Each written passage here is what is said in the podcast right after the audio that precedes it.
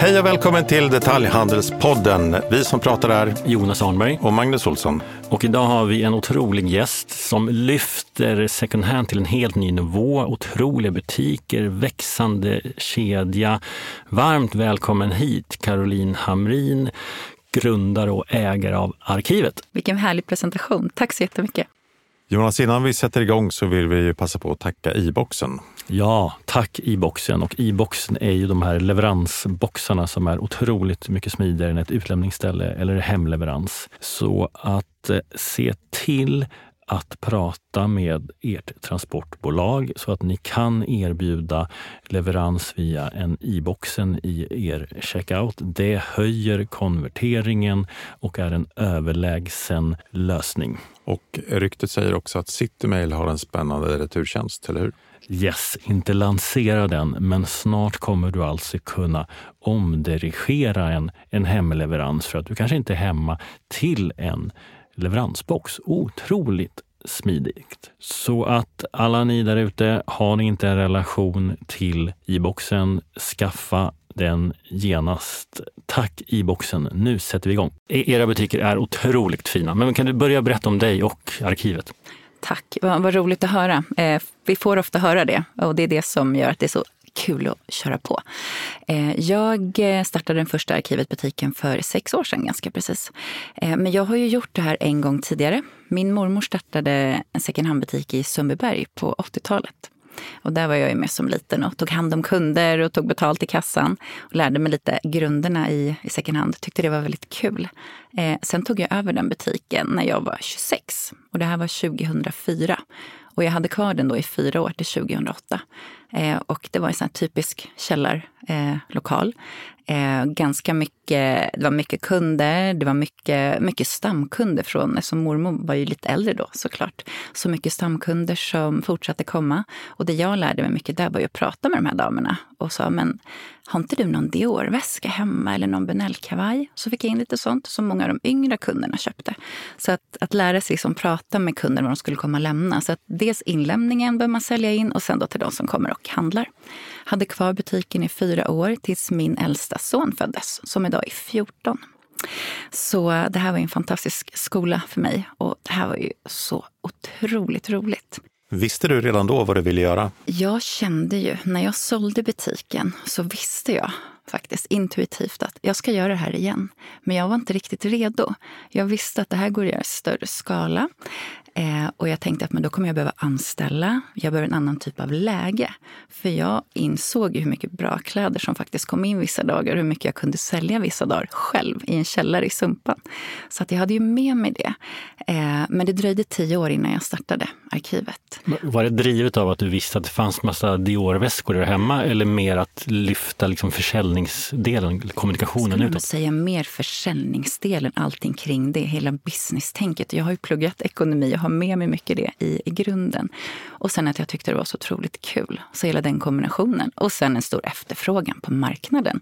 Såg att det fanns ju inte jättemånga som gjorde det här då i alla fall. Idag finns det fler aktörer, men då var det ju mycket källarlokaler, det var mycket vintage, det var mycket one man show. Så att jag hade ju med mig det då som sagt. Men sen så dröjde det ju tio år tills jag drog igång eh, arkivet. Men det jag gjorde de här åren emellan var att jag jobbade som butikschef i några år och fick med mig lite så retail-grunder. Hur det funkar med koncept och siffror, budgetar, personal framför allt. Sen jobbade jag med rekrytering och inköp. Så att jag knyter ihop lite säcken när jag drog igång arkivet. Hade med mig de grunderna, men framför allt så skulle jag säga att det var väldigt mycket timing när jag startade 2017.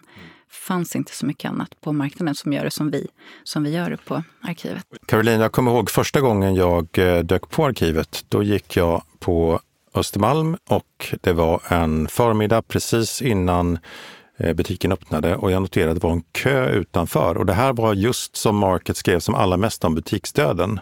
Så att jag hade aldrig hört talas om det här utan väntade till butiken öppnade för jag var tvungen att se vad det här var för någonting och, och upptäckte ju den här premiumkänslan och, och sen upptäckte jag den något år senare, men då var det New York eh, och The Real Real och tyckte att här var det någon som hade tänkt till på båda, båda liksom håll. Hur, hade du inspirerats av någonting annat eller föddes det här Vilken fantastisk jämförelse, för att det är verkligen några jag ser upp till. Mm. Eh, Real Real i USA.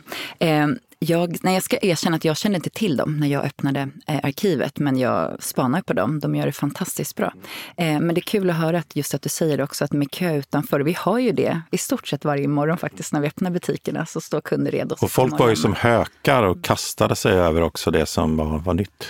Yes. Men är det för att man vet att det lämnas in nya grejer på kvällen innan? Man vet Och är det att- varje dag det kommer? Varje, alla vardagar tar vi in kläder. Färskt blod i vattnet. Ja. Så liksom, ja. Ja, men det är verkligen så. så att det är direkt, vi gör ju allting direkt framför kunderna. Så att vi, vi tar ju in kläder direkt och vi hänger ut dem direkt. Vi steamar, larmar, prismärker och sen skyltar. Så att det kommer in eh, många plagg, eh, ungefär 300 plagg per butik och dag som vi hänger fram. Och det har ju kunderna lärt sig. Så man vet att först är kvar.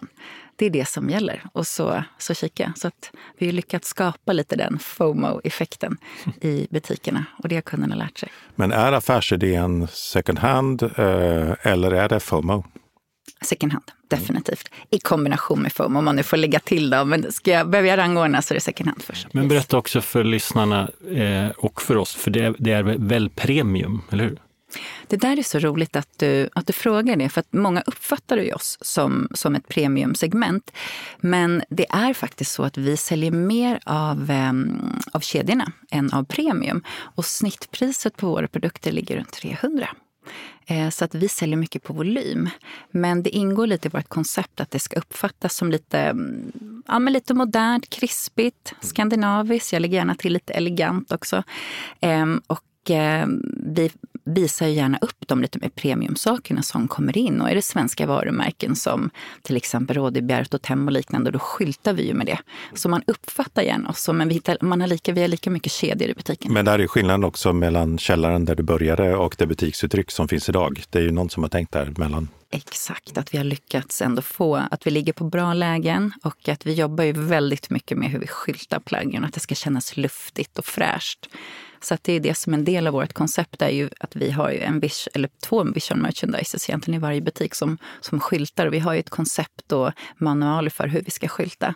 Och sen så har vi, värderarna har ju också direktiv lite vad för eh, kläder man tar in och hur vi sätter priser. Och vi är ju väldigt kommersiella i det. Så att vi tittar ju både på trend och vi tittar på vad folk vill ha här och nu och vad det är för varumärken och skick. Så att det är väldigt många delar vi tittar på. Men vi jobbar ju mycket på att det ska framställas eh, utvalt. Det är det som är en del, kureringen är en del av, av konceptet. Kan man alltså jobba som värderare hos er? Man kan jobba som Hur, värderare. hur, vad, vad har man Jag då? söker med ljus och lykta alltid efter värderare. Eh, en värderare är en som möter kunderna, det är direkt face to face, som har lite fingertoppskänsla för vad som är trendigt, eh, men som också har lite kunskap om olika varumärken, vad kostar de nya, eh, men också sen kan bedöma hur kommersiella och aktuella är de här plaggen. Nu eh, börjar det bli vår här och nu kommer vi sälja ganska mycket trenchcoats och liknande. Och det man tittar på det hur aktuell är den här trenchcoaten? Det är ju ett plagg som har funnits i alla tider. Men de ser ju annorlunda ut om de är från i år eller om de är tre eller fem år gamla. Och att kunna bedöma det. Så hur aktuell den är, då tittar man ju på längden, man kollar på kragen, man kollar på slag och så vidare. Och sen kollar vi på varumärket. Och så bedömer vi hur många, ja, vad är man beredd att betala för det här plagget? Så att det är det våra värderare gör. Så att de tittar ju på stora mängder plagg varje dag. Och det gäller ju att kunna ska man säga, du behöver kunna den här bredden och kunna bedöma både lite mer premium men också lite kedjan. Och sen har vi en ganska bred kundgrupp också. Så att värderare är egentligen det som är största utmaning faktiskt här och nu idag eh, för oss på arkivet att, eh, ha, att utveckla klädvärderingen. Men inom kläder är du väl det som är mest premium om man kommer till second hand. Jag, jag tänker i andra second hand-industrier, då tänker jag att det skulle vara så här, något auktionshus som säljer exklusiva möbler eller så. Och det, där har du väl ändå varit ganska ny i att eh, sälja premiummode Ja, second jag, hand. jag skulle säga absolut, du har helt rätt. Men jag skulle säga det som också skiljer oss åt lite från hur man gjorde för kanske tio år sedan. Det är att vi blandar premium med kedjorna. För det var inte någon vanlig företeelse. Man gjorde inte det för tio år sedan. Så vi blandar ju både, det kan vara hm plagg tillsammans med en Gucci-väska det är väl det som är lite unikt. Går man till modehusen, eller auktionshusen, förlåt, då är det ofta bara premium. Då är det scarfs och väskor och, och skor som bara är premium. Vi blandar ju både och. Så att jag skulle säga att vi är mer trend egentligen. Och kunden som gillar er, den är där för att det är trend eller är den mer där för att det är hyfsat billigt då? Eh, du, det där är en jättebra fråga. Jag skulle svara att kunden som kommer till oss är medveten. Och den är medveten både om trender och miljö, men också lite vad, vad varor går för. Det är så väldigt mycket idag med olika varumärken. Det är vissa produkter som många kunder vill ha. Eh, det kan vara ett visst print från ett danskt varumärke eller ett svenskt och då är många beredda att betala mer för vissa print. Det kan också vara vissa typer av sneakers, vissa väskor som har tagit slut i butikerna. De kan vara tre år gamla men kunderna vill väldigt gärna ha de här och man är beredd att betala mer för vissa produkter. Och det vet ju vi på arkivet och det vet också våra värderare. Så att vi prissätter ju efter, lite efter efterfrågan också.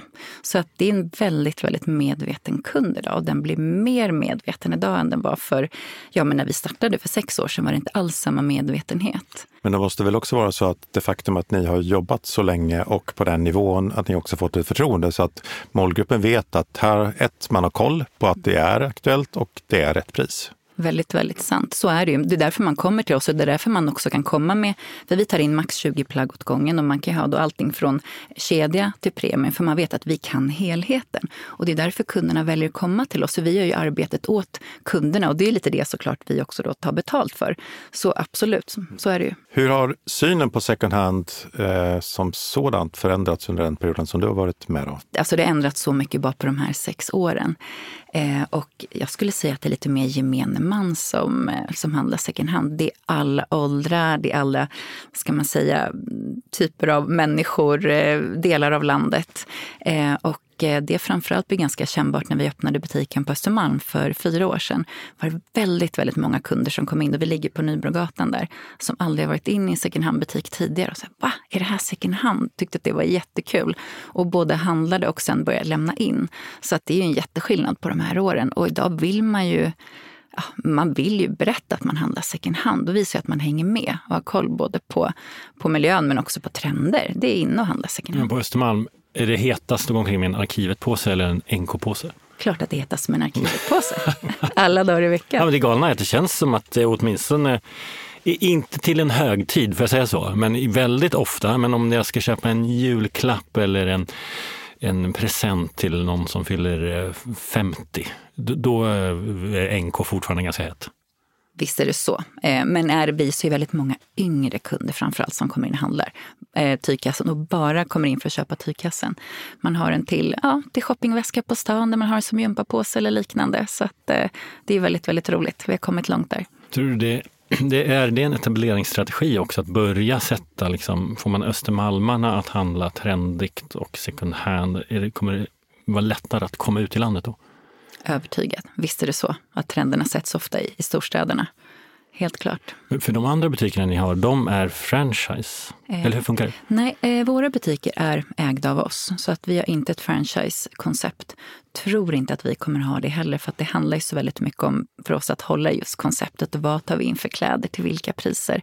Och hur skyltar vi? Så att de är, de är ägda eh, av, av arkivet hur funkar det då? För att vad som är mode, vad som är trend och, och liksom, det finns ju massa deltrender i det här också. Hur, hur håller du ihop det här när, när bolaget växer och ja, det kommer in nya värderare och ni ska ha någon slags samsyn om det här? För att om någon tycker att om det här är coolt och du tycker att det är kast, då kommer det, det kommer inte hålla ihop över tid. Det är det här som är den stora utmaningen såklart, att hålla ihop allting. Och det är därför vi också har vuxit relativt sakta och organiskt. Vi har öppnat en ny butik ungefär efter två år.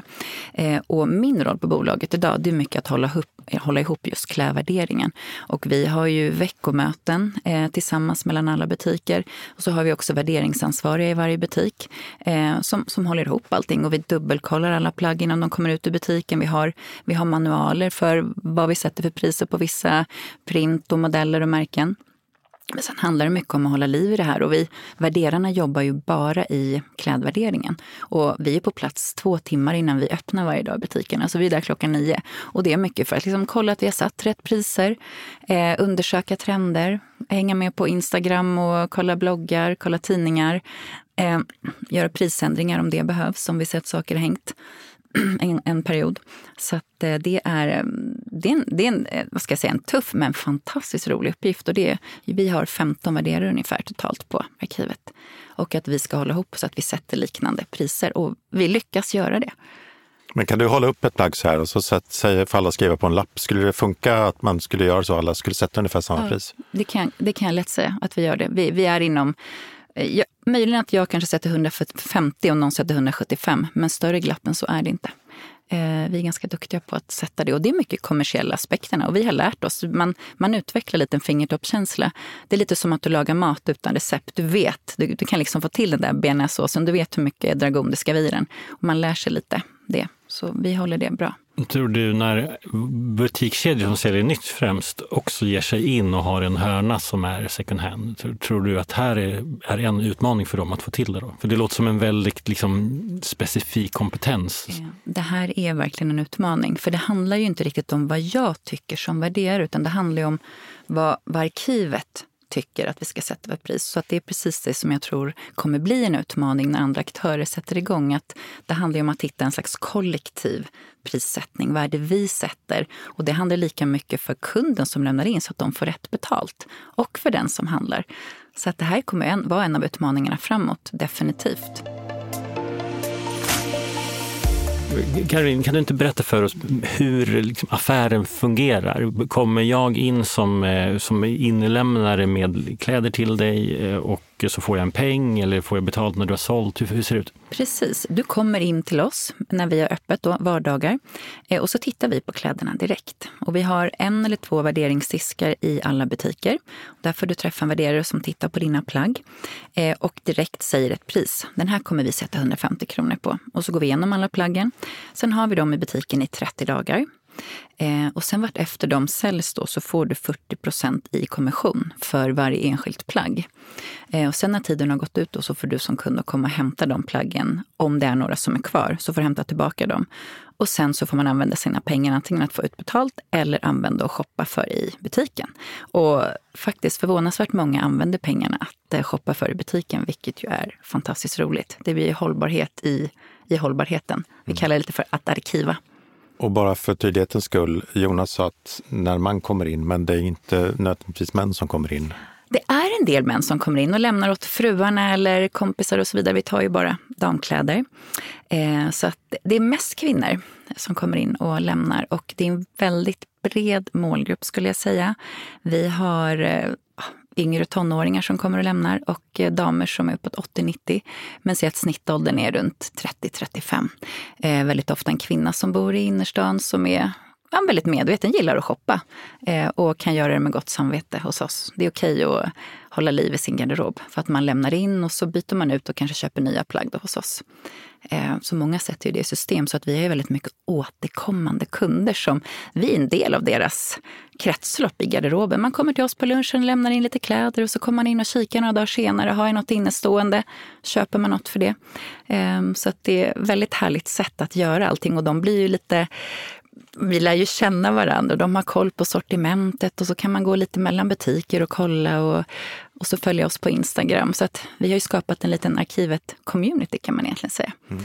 Men, men, är det butiken som är mediet? Eller hur, liksom? det, är, det är butiken och sen vår Instagram skulle jag säga Eh, där vi lägger upp faktiskt någonting varje dag. Vi lägger en flödesbild och så delar vi ganska mycket Insta-stories. Så allting du ser på Insta, det finns ju i butiken här och nu. Så att många kommer ju inspringande. Bara, ah, har ni kvar den här? Jag såg den på Insta.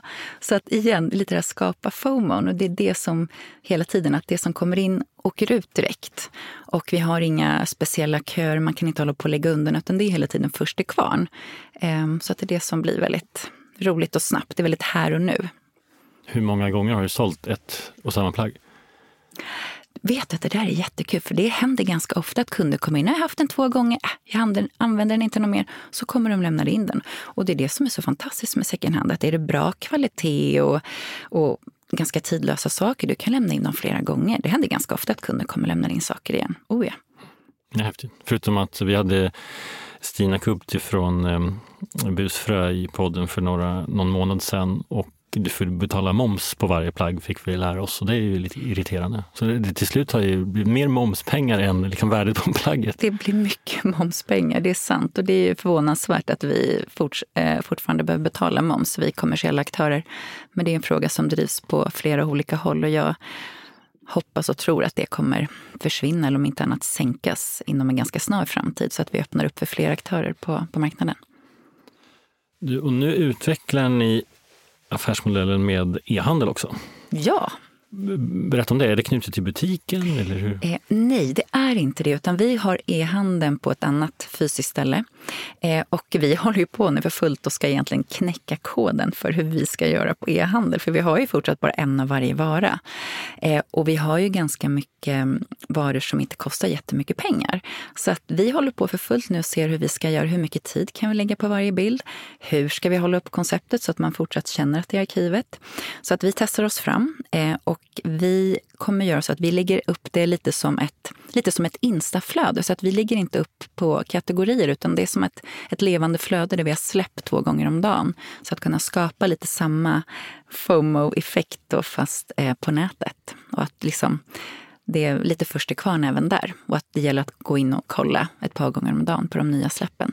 Så att det är för fullt nu en fotograf och ett, ett helt team som håller på att försöka sätta hur, hur mycket tid som sagt lägger vi på varje bild och hur mycket tid har vi att skriva en förklaring på någonting man bara en, en vara av som kostar 300 kronor. Vi kan inte gå och hämta 50 till likadana utan försöka hålla den nivån. Så det är och hur tänker ni om returer då? Det här är ju också nytt, då frihandel. För att när man, så fort man säljer på nätet så måste man ju eh, hantera returer.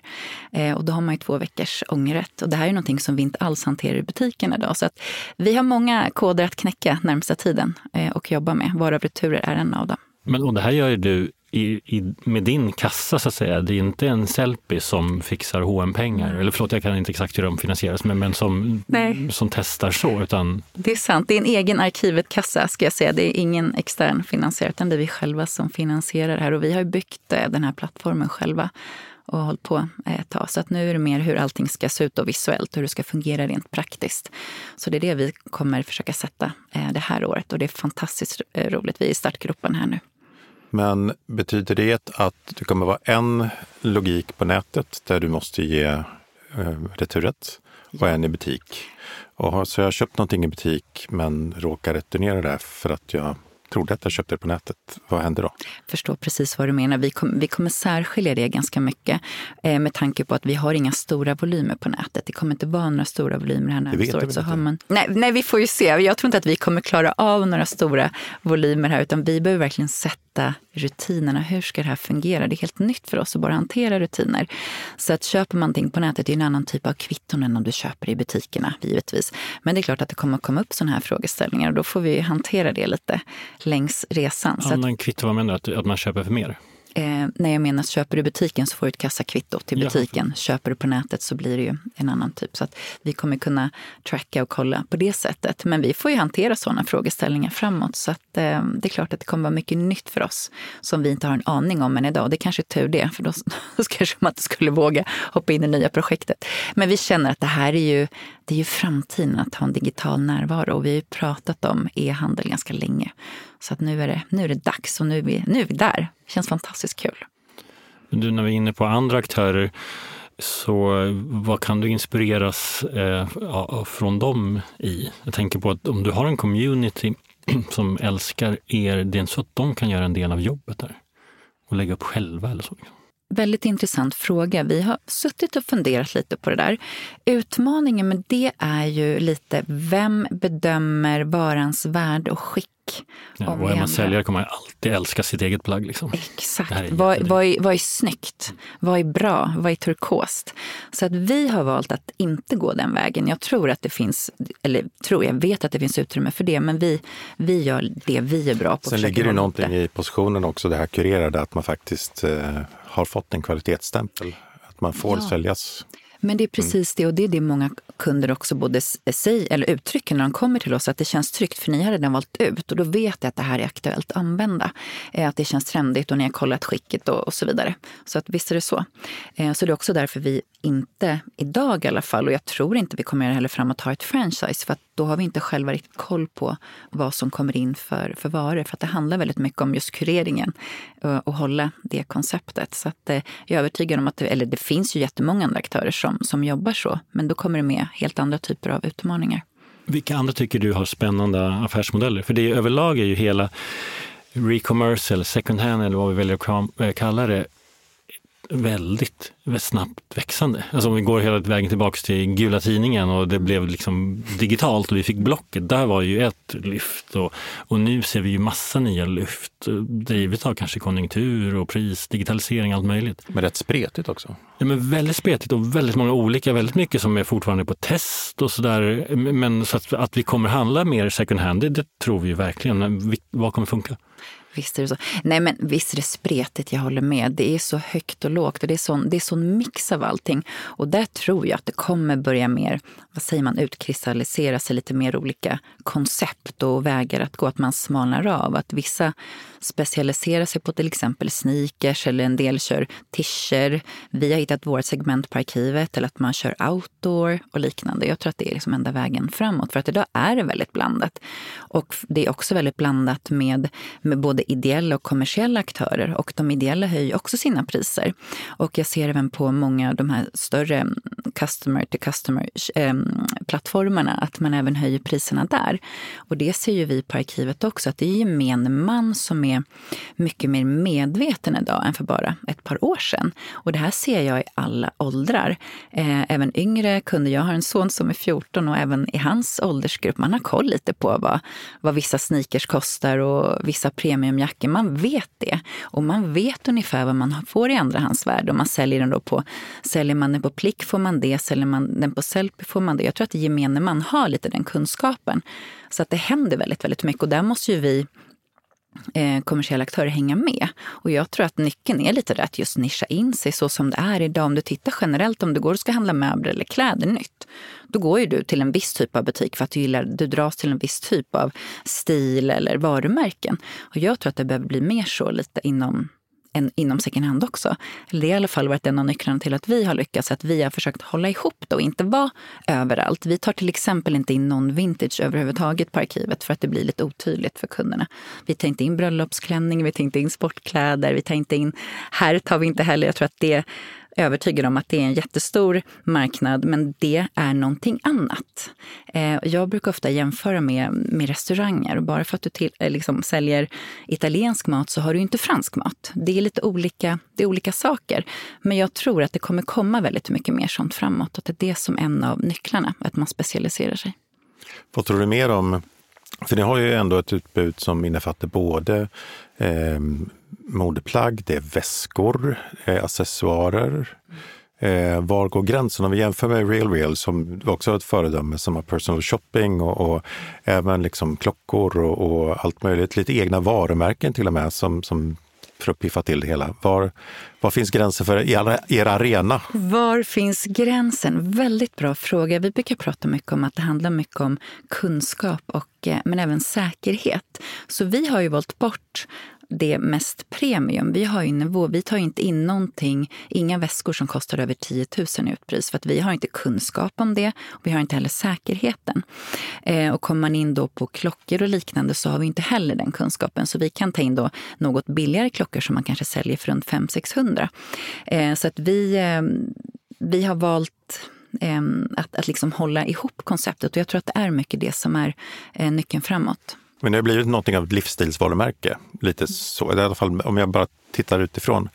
Ehm, och, och, om, skulle ni till exempel skulle, skulle ni kunna sälja ett schysst doftljus? Ehm, inte second hand då uppenbart, Nej. men alltså att ni gör egna ja. produkter.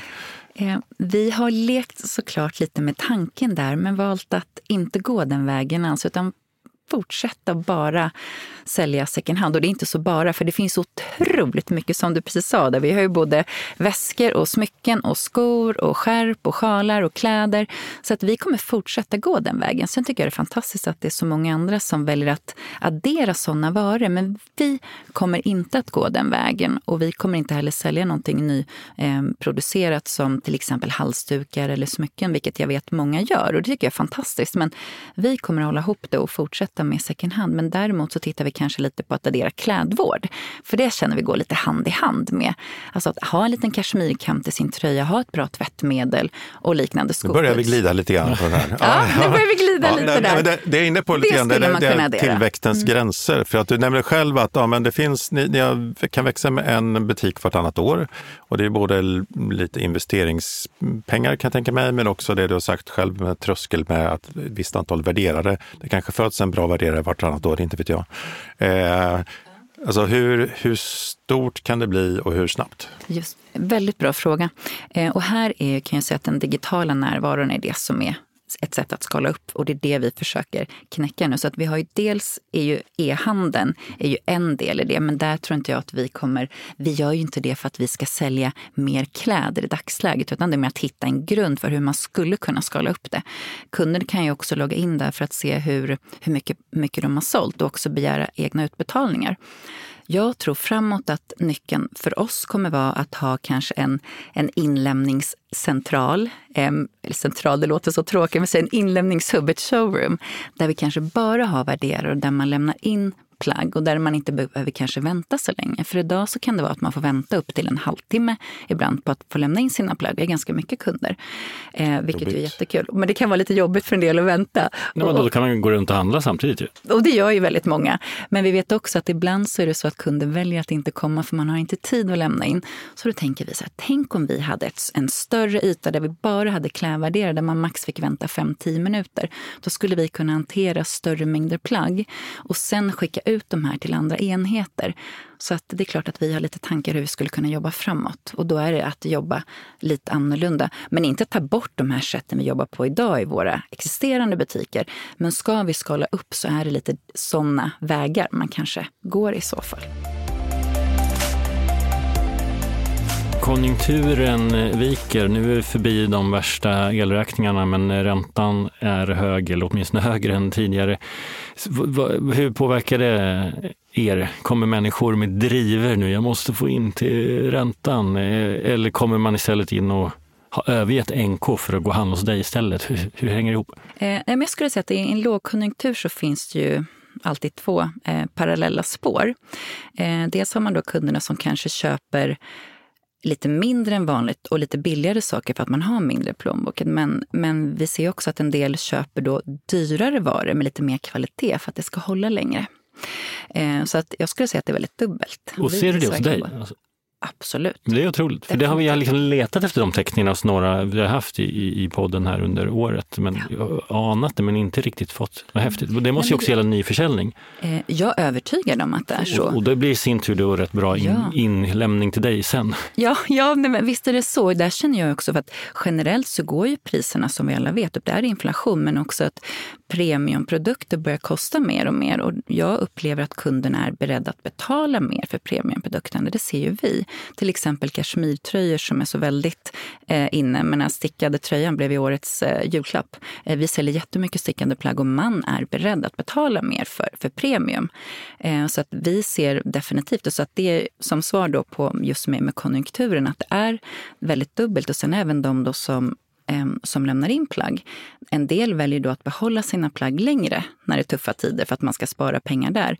Andra känner att gud, jag måste få in lite pengar nu och då kommer man att lämna in kläder istället. Så att det är verkligen två parallella spår och vi upplever båda. Och märker du att det finns en ny månadscykel eller att det, det börjar tjocka på sig med, med kunder innan lön där eh, månaden är längre än lönen eh, och att det är någonting som har liksom Jo, men det ser vi verkligen eh, faktiskt skillnad. Det ser vi, eh, både när det är just vid barnbidragen och, men och vid löning. Det är klart att vi, vi har mer försäljning de Tidigare kanske vissa gick till pantbanken. Nu kanske man eh, återvinner en del eh, mer eller mindre bra köp. Nej, men visst är det så att vi, eh, vi, har, ju, vi har ju väldigt mycket inlämningskunder och det kommer in mycket kläder. Eh, och vi gjorde ju kundutbetalningar förra året på, på 20 miljoner kronor. Så att ja, det är klart att man kommer till oss för att också tjäna en slant. Men du, hur ser prissättningen ut? Om du har, om jag ska köpa en ny kashmirtröja, vad kostar den då ny och var köper jag den när den används ett år hos dig för? Där är det flera aspekter som spelar in. Eh, vi tittar väldigt mycket på hur kommersiell varan är. Eh, hur många är det som vill ha just det här plagget? Så då tittar vi dels på det. Vi tittar också på eh, vad är det för varumärke? Vad kostade det ny? Och är det någonting som är väldigt kommersiellt, alltså att väldigt många vill ha just den här varan och den är kanske från, bara från förra året och väldigt sparsamt använd, då sätter vi kanske halva nypriset på den om det är någonting som är lite attraktivt. Men det är också så att vi tittar lite på att är det en färg som inte så många vill ha, då sätter vi lite lägre. Och är det en passform som inte är lika aktuell, då sätter vi också lite lägre. Så det är många eh, aspekter att titta på. Och blir det, blir det någon gång konflikter med kunder? Du behöver inte utlämna någon, någon enskild kund, men att någon kommer in och säger att ja, det här tror jag är värt 500 och ni säger sorry, det är 250 spänn kan säga att det är extremt sällan vi har eh, diskussioner med kunderna. Eh, men om det blir någonting så det är klart att då, då bollar vi och har en bra dialog med kunderna. Och det är också därför vi, vi prissätter ju direkt när du kommer in till oss och lämnar dina plagg så sätter vi ett pris direkt just för att undvika diskussioner men också för att kunna få feedback från kunden direkt. Kunden kanske berättar att den här köpte jag för ett år sedan och den kostade så här mycket. Det kan ju vara ett, ett plagg vi inte känner igen. Så att då slipper vi mycket av de eh, diskussionerna som vi gör allting direkt. Second hand eller recommerce-branschen, beroende på vad du vill kalla det, den ser vi ju nu växer och eh, vi tror och hoppas att den har fördubblats om 5-10 år. Eh, vad, vad måste till, bortsett från en riktig djup lågkonjunktur, för att det ska ske?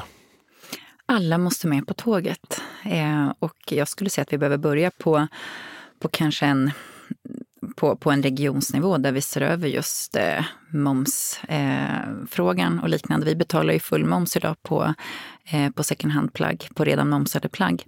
Eh, vi behöver också se över, kanske mer på en, på en stadsnivå, lite hur hanterar vi de här plaggen som vi till exempel får in i, på arkivet som inte vi kan sälja vidare, som ska skänkas. Vem kommer hämta de plaggen och vem vill hantera de här plaggen som är defekta? För de vill inte vi skänka till de ideella eh, organisationerna heller.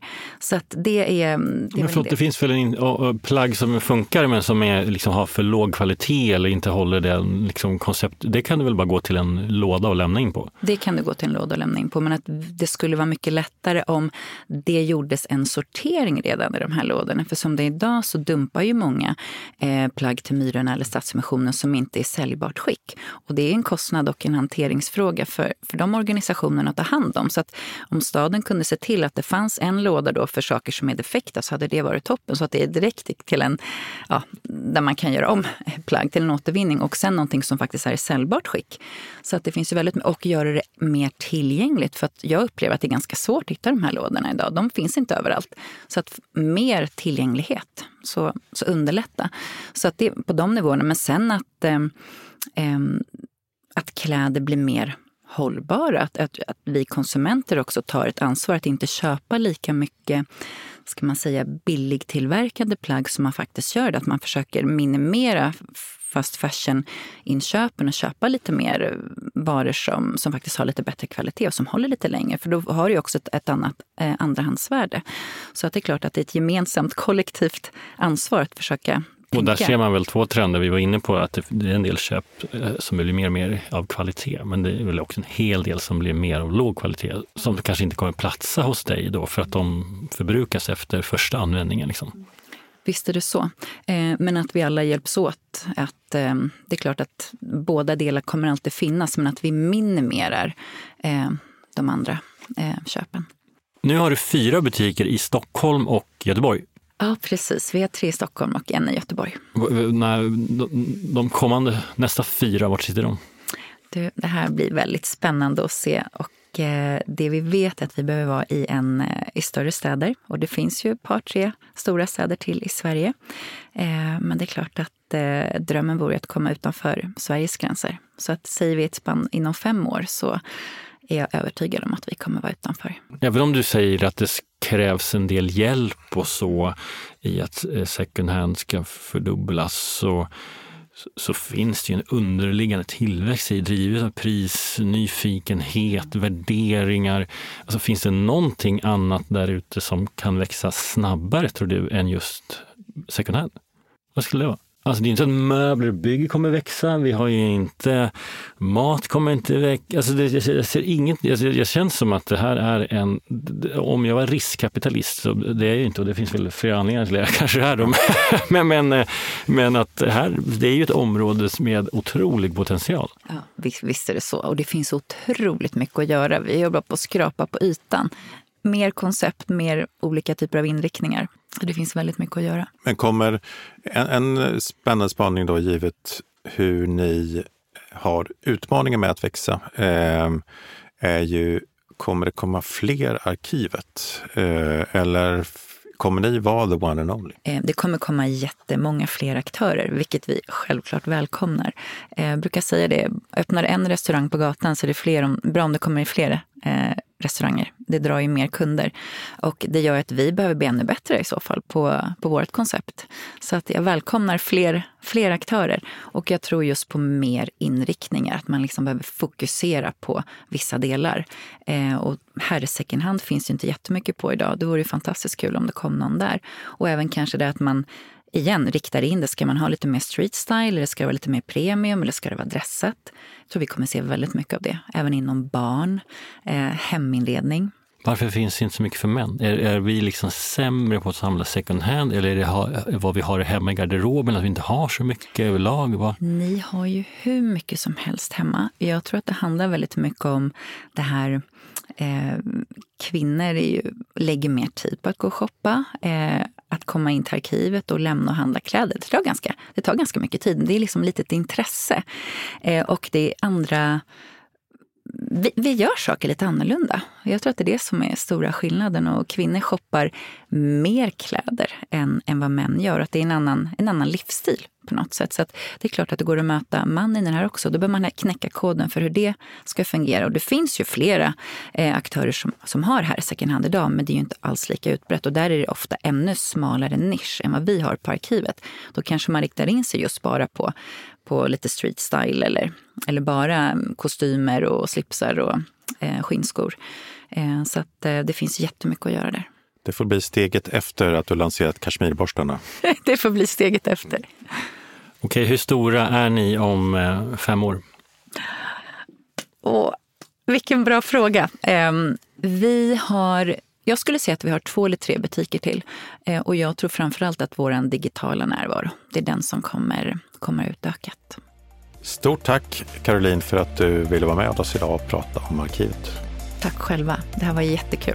Ja, och tack alla ni som lyssnar och framförallt Caroline Hamrin, grundare, ägare av arkivet. Otroligt stort lycka till med de här kommande fem åren. Tack så mycket. Tack ska ni ha. Hej då. Hej då.